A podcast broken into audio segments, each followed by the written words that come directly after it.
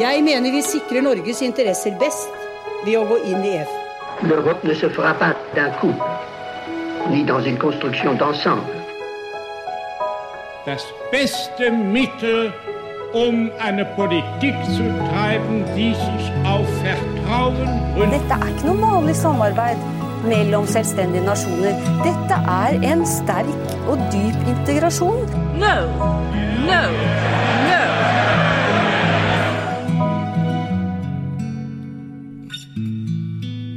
Velkommen til den femte episoden av Det europeiske kvarter, en podkast om europeisk politikk og historie av Lise Rye og meg, Kristine Graneng, ved Europastudier på NTNU. Denne episoden skal vi snakke om folkeavstemninga. Jeg må først komme med en innrømmelse, for jeg har aldri stemt i en nasjonal folkeavstemning. Forrige gang det ble holdt ei folkeavstemning for hele landet i Norge, det var i 1994. Og da var jeg to år, ganske langt unna stemmerettsalderen. Men EU-avstemninga i 94 vil jeg jo påstå likevel er en viktig del av det nasjonale minnet, som et av de store politiske øyeblikkene i norsk historie, da spørsmålet om medlemskap i EU splitta sjøl venner og familie. Og sjøl om Norge er det eneste landet som har stemt mot å gå inn i EU, og det er to ganger, så er den ikke helt enestående i et europeisk perspektiv. Til nå så har det jo blitt avholdt over 50 folkeavstemninger om ulike EU-spørsmål, som spenner over alt fra medlemskap av unionen til europeiske flyktningkvoter, eurosamarbeidet og assosiasjonsavtaler med Ukraina. Er sånne folkeavstemninger et gode for det europeiske demokratiet, eller har det også negative konsekvenser? Hva tenker du, Lise? Du var jo også til stede i 94 og kjent på stemninga da. Føltes det som en slags demokratisk folkefest? Det føltes i alle fall viktig, som om det var et betydningsfullt spørsmål og mye som sto på spill. Sjøl var jeg student, jeg hadde starta på det som da heter hovedfag i historie det året, og jeg skrev på en oppgave om hvorfor Danmark hadde søkt seg inn i EU. Du vet, I Danmark så dro landbruksinteressene i motsatt retning av hva de gjorde i Norge. Danske bønder de ville i sin tid inn i EU for å sikre markedstilgang, mens norske bønder ville stå utafor EU for å opprettholde norsk landbrukspolitikk. Vilkårene for landbruk i Danmark og Norge er jo ikke helt sammenlignbare. Og for meg, som kom fra bygdenes by, Steinkjer, og som hadde odel på gård, så ble folkeavstemninga noe som engasjerte både faglig og personlig. Jeg var ikke politisk aktiv eller aktiv i organisasjonslivet, men jeg husker allikevel 1994 som en veldig intens og altoppslukende debatt som foregikk hver pause i kantina på universitetet, og som dura og gikk i kollektivet der jeg bodde, i studentersamfunnet og ut på byen. Og det var en debatt som av og til ble ubehagelig, og det var slitsomt å være så uenig og så engasjert så lenge. Alle ville jo vinne de debattene. Og sånn tror jeg det var for mange. Sånn veit jeg det var for mange. Og takket være forskninga på feltet, så veit vi jo òg at det er ikke noe unikt ved det her, eh, verken for 1994-avstemninga eller for Norge. For folkeavstemninga om EU-spørsmål er jo ikke noe nytt fenomen. Allerede tidlig på 60-tallet var det løfta frem et krav i Norge om at det burde holdes folkeavstemning om medlemskap i det europeiske fellesskapet. Men Norge ble jo ikke først ut med en sånn folkeavstemning. Den første den ble faktisk holdt i Frankrike i 1972. Og da var spørsmålet om det skulle åpnes for de nye medlemslandene som da hadde forhandla fram medlemskapsavtaler. Den ble fulgt tett av folkeavstemninga om medlemskap i Irland, i Danmark og Norge samme året, altså i 1972. Og da stemte irene og danskene ja, mens i Norge så ble det nei. Siden da så har det jo blitt holdt mange folkeavstemninger om forskjellige tema. Det som kanskje har endra seg mest over tid, det er utfallet av dem, og hva de betyr for integrasjonsprosjektet. I europastudier så er det ganske populært å snakke om at vi har gått fra et slags 'den som tier samtykke' til at en misnøye blant folk setter begrensninger for integrasjonen. Og da peker man som regel på folkeavstemningene om Maastricht-traktaten som inngangen til det her. Da stemte danskene først nei til traktaten, og det var bare så vidt at franskmennene sa ja. Og på starten av 2000-tallet så falt forsøket på å få til en grunnlovstraktat for EU i grus, nettopp fordi den ble stemt ned i folkeavstemninga i Frankrike og i Nederland. Hvordan kan vi forklare at integrasjonsprosjektet har møtt mer motbør fra starten av 90-tallet og utover, Lise? Jeg syns egentlig det er lettere å forklare hvis vi tar enda et skritt tilbake, til 80-tallet. For det er på 80-tallet at den europeiske integrasjonen for alvor blir relevant for innbyggerne. Altså, vi har jo snakka tidligere Kristine, om hvordan EU-samarbeidet starta som et veldig smalt samarbeid, dominert av eksperter, og hvor befolkninga hadde få muligheter til å medvirke. Og det fungerte fordi folk i liten grad brydde seg om europeisk integrasjon. Og en grunn til at de ikke brydde seg, var at integrasjonen i liten grad berørte folk i deres hverdag. Så handelspolitikk det er viktig, men det er sjelden et veldig mobiliserende tema. Den felles landbrukspolitikken den berørte nok flere mennesker direkte, men antall sysselsatte i landbruket det gikk jo òg ned for hvert år som gikk. Så det var ikke så veldig mange som engasjerte seg i den europeiske integrasjonen. Og nå er vi altså i denne den som tier samtykkerfasen, som du nettopp nevnte. I forskningslitteraturen så sier man gjerne at den er prega av permissive consensus, denne fasen. Og det tror jeg vi kan oversette med ikke-innskrenkende enighet. Det er altså en situasjon hvor motstand mot integrasjon ikke er sterk nok eller artikulert nok til å begrense politikerne sitt handlingsrom. Folk bryr seg ikke, men de tar heller ikke aktive grep for å hindre integrasjon. Dette endrer seg av flere grunner. Og den viktigste er at EU-samarbeidet utvides til nye områder. Med enhetsakten, som altså er en ny traktat som reviderer Romatraktaten, og som EU-landene vedtar i 1986, så får EU myndighet på nye områder. Sånn som miljøpolitikk, sånn som regionalpolitikk, sånn som forskning og utenrikspolitikk. Og samtidig så er det med denne traktaten, eller avtalen da, om du vil, at landene vedtar gjennomføringa av det indre marked, hvor de fire frihetene står sentralt. Og det gjorde jo at ikke bare varer og tjenester, men også mennesker skulle kunne bevege seg uhindra over landegrensene for å jobbe eller for å studere eller etablere virksomhet i andre land. Og alt dette det gjør at den europeiske integrasjonen den blir mye mer merkbar på 1980-tallet.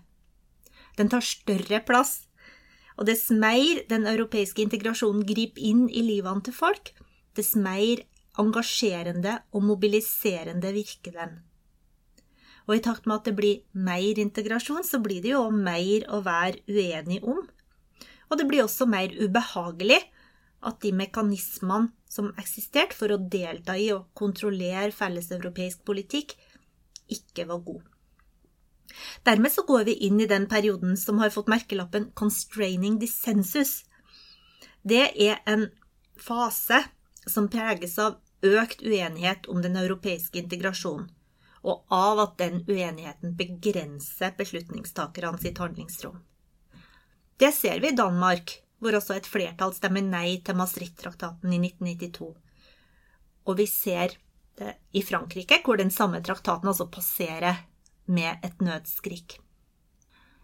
Maastricht-traktaten er jo så mye mer symboltung enn enhetsakten.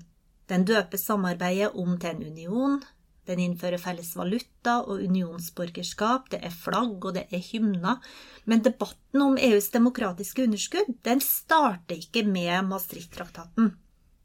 Den starter før det, og enhetsakten som kanskje har levd en litt sånn anonym tilværelse i skyggen av Maastricht-traktaten, som altså byr på mye mer pomp og prakt, den er helt sentral for å forstå hvorfor. Maastricht-traktaten er jo, bak all symbolikken, en traktat som gir innbyggerne en viktigere stemme i den europeiske integrasjonen, ettersom det er en traktat som gir det folkevalgte parlamentet betydelige mengder lovgivende makt. Men denne utviklinga som du skisserer opp, Lise, den forklarer jo egentlig mer av resultatene av folkeavstemningene enn hvorfor de blir holdt. Hva er det som har vært utgangspunktet for folkeavstemningene her? Er det først og fremst som et middel for å gi folk en mulighet til å si meninga si direkte, uten å gå via de folkevalgte representantene? eller er det også andre årsaker til det? Det er mange årsaker til at regimer holder folkeavstemninger. Et kort svar vil jo være at i et demokrati så vil ei folkeavstemning gi legitimitet. Den gjør at innbyggerne opplever at de blir lytta til, og den gjør at makthaverne får det folkelige mandatet som de behøver for å kunne styre effektivt. Men de holder jo folkeavstemninger i autoritære stater også. Og de her folkeavstemningene de omtales gjerne som plebisitter, altså folkeavstemninger i udemokratiske regimer. Plebisitt det er et ord som kommer fra latin, og som viser tilbake til praksis i Romerriket, hvor befolkninga, altså plebeierne, skulle gi sin tilslutning til noe som allerede var bestemt. Plebisitt er et negativt lada ord. Det viser til en urettferdig og ufri avstemning i et udemokratisk politisk system. Et referendum det er, i motsetning til en plebisitt, preget av at den byr på et virkelig valg, et reelt valg. Og den er demokratisk hvis tilhengerne og motstanderne har mulighet til å konkurrere om velgerne sine stemmer på rettferdige vilkår. I et demokrati, da, for å konsentrere oss om det, så vil politikerne av og til ty til folkeavstemning for å løse partiinterne problem. Jeg tror det var det David Cameron forsøkte å gjøre i Storbritannia, uten at han lyktes veldig godt med det. Ja, jeg tenker også at brexit-avstemninga i 2016 det var jo absolutt et forsøk på å blidgjøre de konservative euroskeptikerne og holde på egne velgere, som i stor grad bevegde seg mot andre partier, som UKIP, som var veldig tydelig mot EU-medlemskap. For når man har en folkeavstemning, når man flytter spørsmålet bort fra de folkevalgte og ut til folket, i stedet for å må ta et oppgjør internt, så gjør jo det at man ikke nødvendigvis trenger å ha en like strikt partilinje. Mm. Og så kan folkeavstemninga også være en grei løsning i spørsmål som går på tvers av de tradisjonelle skillelinjene, og som det derfor er vanskelig å avgjøre i det partipolitiske systemet. Det har vært tilfellet med spørsmål om norsk EU-medlemskap, og det er nok fortsatt tilfellet med spørsmål om norsk EU-medlemskap, altså at det skjærer på tvers av tradisjonelle politiske skillelinjer. Mm, og det har jo gjort at det har vært heldig for noen partier at spørsmålet om norsk EU-medlemskap har blitt satt ut til folket, Arbeiderpartiet har f.eks. vært temmelig splitta internt i synet sitt på EU, og at folket, ikke partiet, bestemmer, det gjør jo at posisjonen partiet har tatt, kan være enklere å svelge for dem som ikke er enig. Så det er altså flere politiske grunner, eller strategiske grunner, til at man velger å holde folkeavstemninger, men i noen land så er det jo også formelle krav om folkeavstemning. Ja, flere land har bestemmelser i Grunnloven som sier at det skal holdes folkeavstemning, f.eks. i spørsmål som krever grunnlovsendring. Sånn er det i Danmark, og sånn er det også i Irland. Årsaken til det ligger ikke så langt unna det vi snakka om i episode tre, om Grunnloven og Norge sitt forhold til EU. I Danmarks tilfelle, som er det jeg kjenner best til, så må det altså være et stort nok flertall i parlamentet for å avgi suverenitet fem sjettedels flertall. Og hvis det ikke er det, så må folket avgjøre i ei avstemning. Ja, men sånn er det altså ikke i Norge. Her er ikke folkeavstemning grunnlovfesta, og derfor er heller ikke resultatet av norske folkeavstemninger bindende. Men de norske folkeavstemningene de er altså ikke unike. De skriver seg inn i en lang tradisjon for folkeavstemninger over europapolitiske spørsmål. Og her avstemningene har handla om alt mulig. Si. Medlemskap, nye traktater, mer avgrensa spørsmål, sånn som f.eks. de danske og svenske avstemningene om innføring av euro. Du nevnte jo også Ungarn, hvor regjeringa i 2016 valgte å legge spørsmålet om landet skulle godta EUs flyktningekvote fremfor befolkninga. Det er nok et eksempel på en folkeavstemning hvor spørsmålet ble formulert på relativt ledende vis, og hvor informasjonen i forkant verken var balansert eller veldig god. Og det kom vel egentlig ikke som noen stor overraskelse heller at nesten samtlige av dem som valgte å avlegge stemme, sa nei. Men samtidig så var oppmøtet på bare 50% og det var jo også et klart budskap. For meg så var det egentlig mer overraskende at et flertall av dem som avla stemme i den nederlandske folkeavstemninga om avtalen mellom EU og Ukraina, valgte å si nei Dette var òg i 2016. Det var en rådgivende folkeavstemning, og den var resultatet av et innbyggerinitiativ. Altså initiativet til folkeavstemninga kom nedenfra. Jeg tror den var den første i sitt slag. Der endte det til slutt med at Nederland ratifiserte avtalen mellom EU og Ukraina eh, uten at det ble holdt ny avstemning. Men Kristine, nå har vi snakka mye om bruken av folkeavstemninger, eh, men ikke så mye om hva de bidrar til. Er det noen sider ved det som vi bør være særlig oppmerksom på? Det er jo mange aspekter ved bruken av folkeavstemninger som er verdt å diskutere, tenker jeg. En av de mest interessante debattene om folkeavstemninger det handler om hva folk faktisk stemmer over. Og det er flere som har innvendinger til folkeavstemninger fordi de mener at folk har for lite kunnskap til å gjøre seg opp en kvalifisert mening om spørsmålet i avstemninga, som de gjerne sier at det er veldig komplisert. Og det tenker jeg vel så mye kan være en kritikk mot andre sider av politikken på europeisk nivå, som at informasjonen ikke når ut av ulike grunner, eller at folk føler at beslutninger blir tatt for langt unna.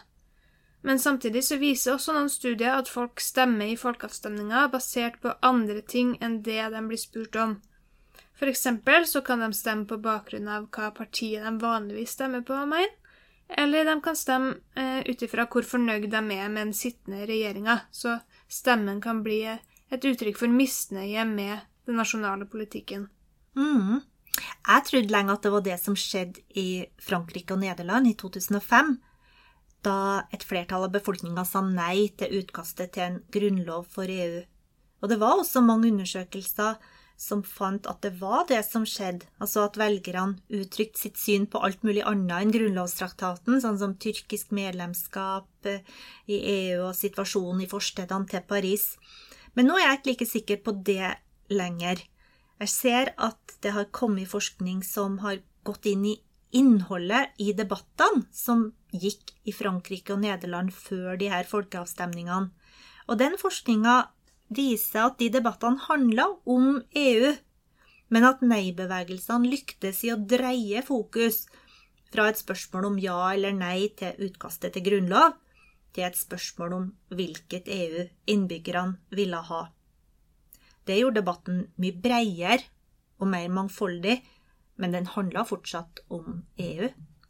Det er jo det motstemmene til den første hypotesen sier, at eh, folk stemmer på bakgrunn av det de mener om temaet, og at de får mer kunnskap gjennom debatten som følger med folkeavstemninga. Og særlig kjent for å peke på det her, det er noen danske forskere som har sett eh, på både de danske folkeavstemningene om Maastricht-traktaten og folkeavstemninga om innføring av euro. Ja, og her tenker jeg også at Norge er et godt eksempel. I Norge så vet vi at eh, det skjedde at nordmenn aldri har hatt så gode kunnskaper om EU som det vi hadde i forbindelse med de to folkeavstemningene. Jeg syns også spørsmålet om hvor informert man må være for å ta gode beslutninger, er veldig interessant. I forbindelse med brexit-avstemninga så har det vært mye snakk om at velgerne ble lurt fordi det ble lagt fram påstander i debatten som er veldig tvilsomme eller rett ut eh, ukorrekt.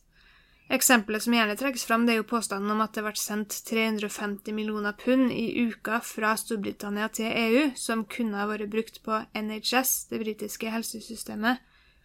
Og Det er jo vanskelig å si hvor stor betydning sånne usannheter hadde eh, for utfallet. Det er vanskelig å si for sikkert, men kanskje hadde jo de holdningene velgerne basert stemmen sin på, uansett ført til det samme utfallet, uavhengig av tonen i debatten. Men det er jo klart at sånt gjør at utfallet i folkeavstemninga får mindre legitimitet når forutsetningene for, eh, for eh, avstemninga blir bestredet. Uansett så syns jeg jo at det er viktig at det ikke bare handler om folkeavstemning eller ikke, men også om konteksten rundt og forutsetningene for folkeavstemningene. Hvordan valgkampen er lagt opp, hvilke tema som blir dratt frem, osv. Ja, det er jeg enig i. Vi nevnte jo den kampanjen som leda opp til folkeavstemninga i Ungarn i 2016 i sted, og det var en kampanje som altså var massiv, den var ensidig, og den var villedende. Men så finnes det lyspunkt òg, Og et eksempel på det, som riktignok ikke er fra en EU-relatert avstemning, er folkeavstemningene i Irland om likekjønna ekteskap og abort i 2015 og 2018, hvor bruken av innbyggerforsamlinger, eller borgerråd, som jeg ser det her òg omtales som, både har bidratt til mer kunnskap og til mindre polarisering. Det er også veldig interessant, eh, for ofte tenker man jo på folkeavstemninger som veldig polariserende. Man får jo typisk ett spørsmål med to svaralternativer som potensielt splitter velgerne i to grupper, to ytterpunkter.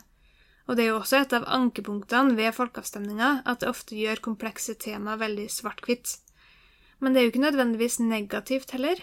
For eksempel så blir partier tvunget til å ta tydelige posisjoner, og det kan jo gjøre det enklere for velgere, også etter selve folkeavstemningene, å vite hva partiene egentlig mener om europapolitikken, noe som kan bidra til at det kan ha større relevans også ved andre valg, f.eks. valg til nasjonalforsamlingene, parlamentene. Og det er vel en god ting, er det ikke det? At, man, at velgerne blir mer og bedre informert? I den forstand så er det jo det, eh, men når folkeavstemningene bidrar til å splitte grupper, så kan det også ha tydelig negativ virkning, særlig når utfallet er veldig tett. Da gir ikke nødvendigvis folkeavstemninga den nødvendige legitimiteten til veldig viktige beslutninger. Det tydeligste eksempelet på det i dag, det er jo nettopp brexit. Det har vært ekstremt krevende å samle britene igjen, fordi skillet mellom dem som stemte for remain, altså for å bli i EU, og dem som stemte leave, for å gå ut av EU, har vært så hardt. Og hva de eh, stemte i folkeavstemningene, det har blitt en viktig bit av folks politiske identitet. Med andre ord så er ikke sånne splittende folkeavstemninger veldig velegna for å skape konsensus. Nei, som regel er de ikke det. For de gir jo ikke rom for noen middelvei eller gode kompromisser. Det er enten-eller. Du er enten for eller imot, og da kan frontene fort bli hard. Sånn som de ble i Norge, og sånn som de ble i Storbritannia. Men så har vi også sett eksempler Kristine, på at gode prosesser kan gi mer konsensus enn temaet i utgangspunktet skulle lede til å tro, sånn som tilfellet har vært i Irland i forbindelse med avstemningene om likekjønna ekteskap og abort. Vi kunne jo godt ha snakka lenge om folkeavstemninger, Lise, for uansett om man anser dem som et gode eller et onde for demokratiet, så har de spilt en viktig rolle i EU, og kommer antagelig til å fortsette å gjøre det.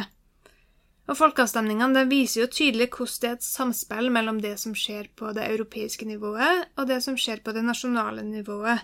Folkeavstemningene har lagt føringer for det europeiske prosjektet. Og folkeavstemningene kan jo gi legitimitet til viktige beslutninger, men det handler mye om hvorfor de blir holdt, og hvordan de blir holdt.